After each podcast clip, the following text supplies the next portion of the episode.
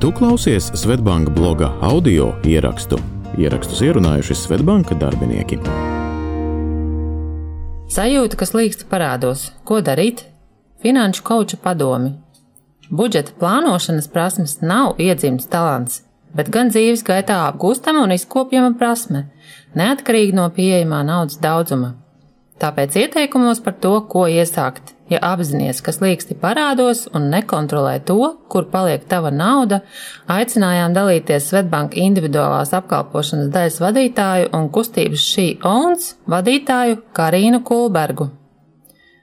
Finanšu pratība iemācāms nevis iedzimts talants. Finanšu pratību, tāpat kā citas fundamentālās zināšanas, apgūstam pamazām dzīves laikā Jaunības gados ar savām naudas lietām tiekam galā visai veiksmīgi. Atalgojums un dzīves līmenis attīstoties karjerai gadu no gada aug. Turklāt spērot pirmos soļus pastāvīgajā dzīvē, lielai daļai ir vecāku drošības spilvens, uz ko paļauties neparedzētu dzīves pavērsienu gadījumā. Ar laiku lietas kļūst sarežģītākas, ienākumi turpina augt, tomēr līdz ar briedumu uzņemamies virkni vajadzīgu saistību un arī vēlme uzlabot savu dzīves līmeni tikai pieaug. Plašāks dzīvoklis augošai ģimenei, ietilpīgāks auto, vēlmju saraksts plešas plašumā, un kopā ar to arī sajūta, ka izaugsme un mūsu iespējas to finansēt būs nebeidzamas. Tomēr tieši te parasti arī iekrītam, jo vēlmju un vajadzību saraksta izplašanās ātrums apsteidz ienākumu pieaugumu. Tad arī mēneša beigās ir sajūta, ka nekā daudz pāri nepaliek. Tomēr apkārt joprojām ir vilinošas iespējas ļauties kārdinājumam un vajadzīgo finansējumu piesaistīt aizņemoties. Tādējādi ir liela iespēja apaugt ar lielākiem vai mazākiem parādiem, gan veicot impulsu pirkumus, ko patiesībā nevaram atļauties no tekošiem ienākumiem, gan lielāku vajadzību finansēšanai uz parāda finanšu drošības spilvena trūkuma dēļ. Pirmais solis - savu finanšu revīziju. Ikdienas skrējienā nevienmēr ir laiks apstāties un veltīt laiku tam, lai saprastu, kas ir mani ienākumi un kur tie paliek. Turpinām apaugt ar izdevumiem un tērējam naudu, mūsuprāt, nenozīmīgiem izdevumiem. Ikdienas kafija līdzņemšanai savā iecienītajā kafejnīcā ir tikai viens no piemēriem. Daudz ir pārsteigti, mēneša beigās savalkot mazo ikdienas prieciņu kopējās izmaksas.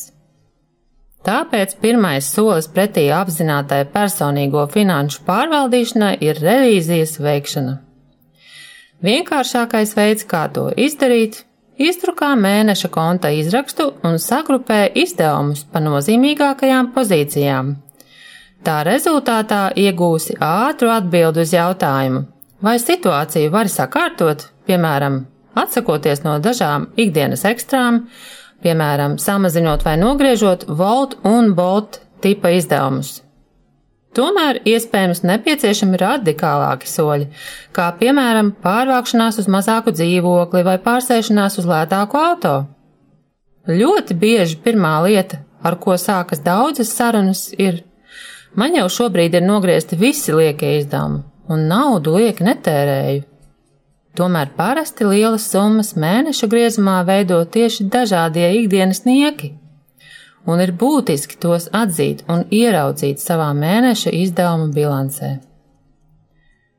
Pozitīva tendence, ko novēroju, jaunā paudze ir daudz atvērtāka ikdienas finanšu paradumu maiņai un gatavāka atteikties no ikdienas ekstrām, lai sakrātu līdzekļus lielākam mērķim, piemēram, ceļojumam, vai pirmās iemaksas sakrāšanai savam mājoklim.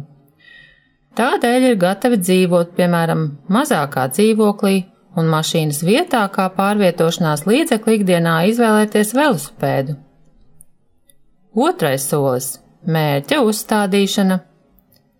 Kad esi apzinājies, kur un kā nauda tiek tērēta, ir svarīgi uzstādīt mērķi, Piemēram, līdz gada beigām atdot visas iekrātās parāda saistības 2000 eiro vērtībā un sadalīt, ko tas nozīmē mēneša griezumā.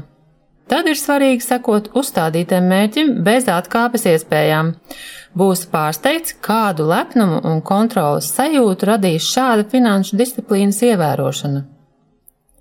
Īpaši šajā trauksmainajā vīrusu laikā var būt situācijas, kurās sastopies ar realitāti, ka pat būtiski taupot uz pamata izdevumiem, tev nepietiks esošo saistību apmaksai.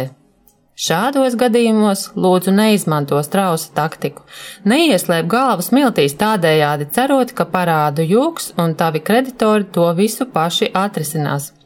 Tā vietā esi proaktīvs un sazinies ar saviem aizdevējiem. Vienojies par iespējamu maksājumu atlikšanu, maksājumu pagarinājumu vai citiem mehānismiem, kuri atbilst tavai reālai iespējai veikt parāda atmaksu. Jo ātrāk šo jautājumu sāks risināt, jo ātrāk tiksi vaļā no sloga sajūtas un ievēro, ka sarunās par parādu atdošanu tev pašam ļoti noderēs sagatavots realistisks budžets, kur pats vari pārliecināties par iespēju parādus atdot atbilstoši jaunajam grafikam. Ja ir sajūta, kas līksta parādos, tad visdrīzāk nevari lepoties ar teicamām uzkrāšanas prasmēm. Tāpēc nākamais solis pēc parāda saistību nolīdzināšanas ir atvērt kontu, kam nav piesaistītas kartes un jau algas dienā tajā ieskaitīt noteiktu summu. Vēlams pat uzstādīt šim mērķim automātisku maksājumu. 20% ilgtermiņa labklājībai. Formula, kā parūpēties par savu labklājību ilgtermiņā, ir vienkārša. Ik mēnesi šim mērķim vēlams novirzīt 20% no ienākumiem. Ne visiem tas šķiet reāli izdarāms, tāpēc iesaku sākt ar 5% vai 10%, un kad būsi pieredzis pie šāda apjoma, tici man, arī palielināt ikmēneša maksājumu līdz 20% būs iespējamā misija. Tātad revīzijas veikšana, mērķu uzstādīšana, un krāšanas ieraduma veidošana ir drošākā formula tam, kā tikt laukā no parādu purva un veidot nākotni uz drošiem finanšu pamatiem, lai izdodas. Šo un citus rakstus iespējams izlasīt blog.svetbank.cl.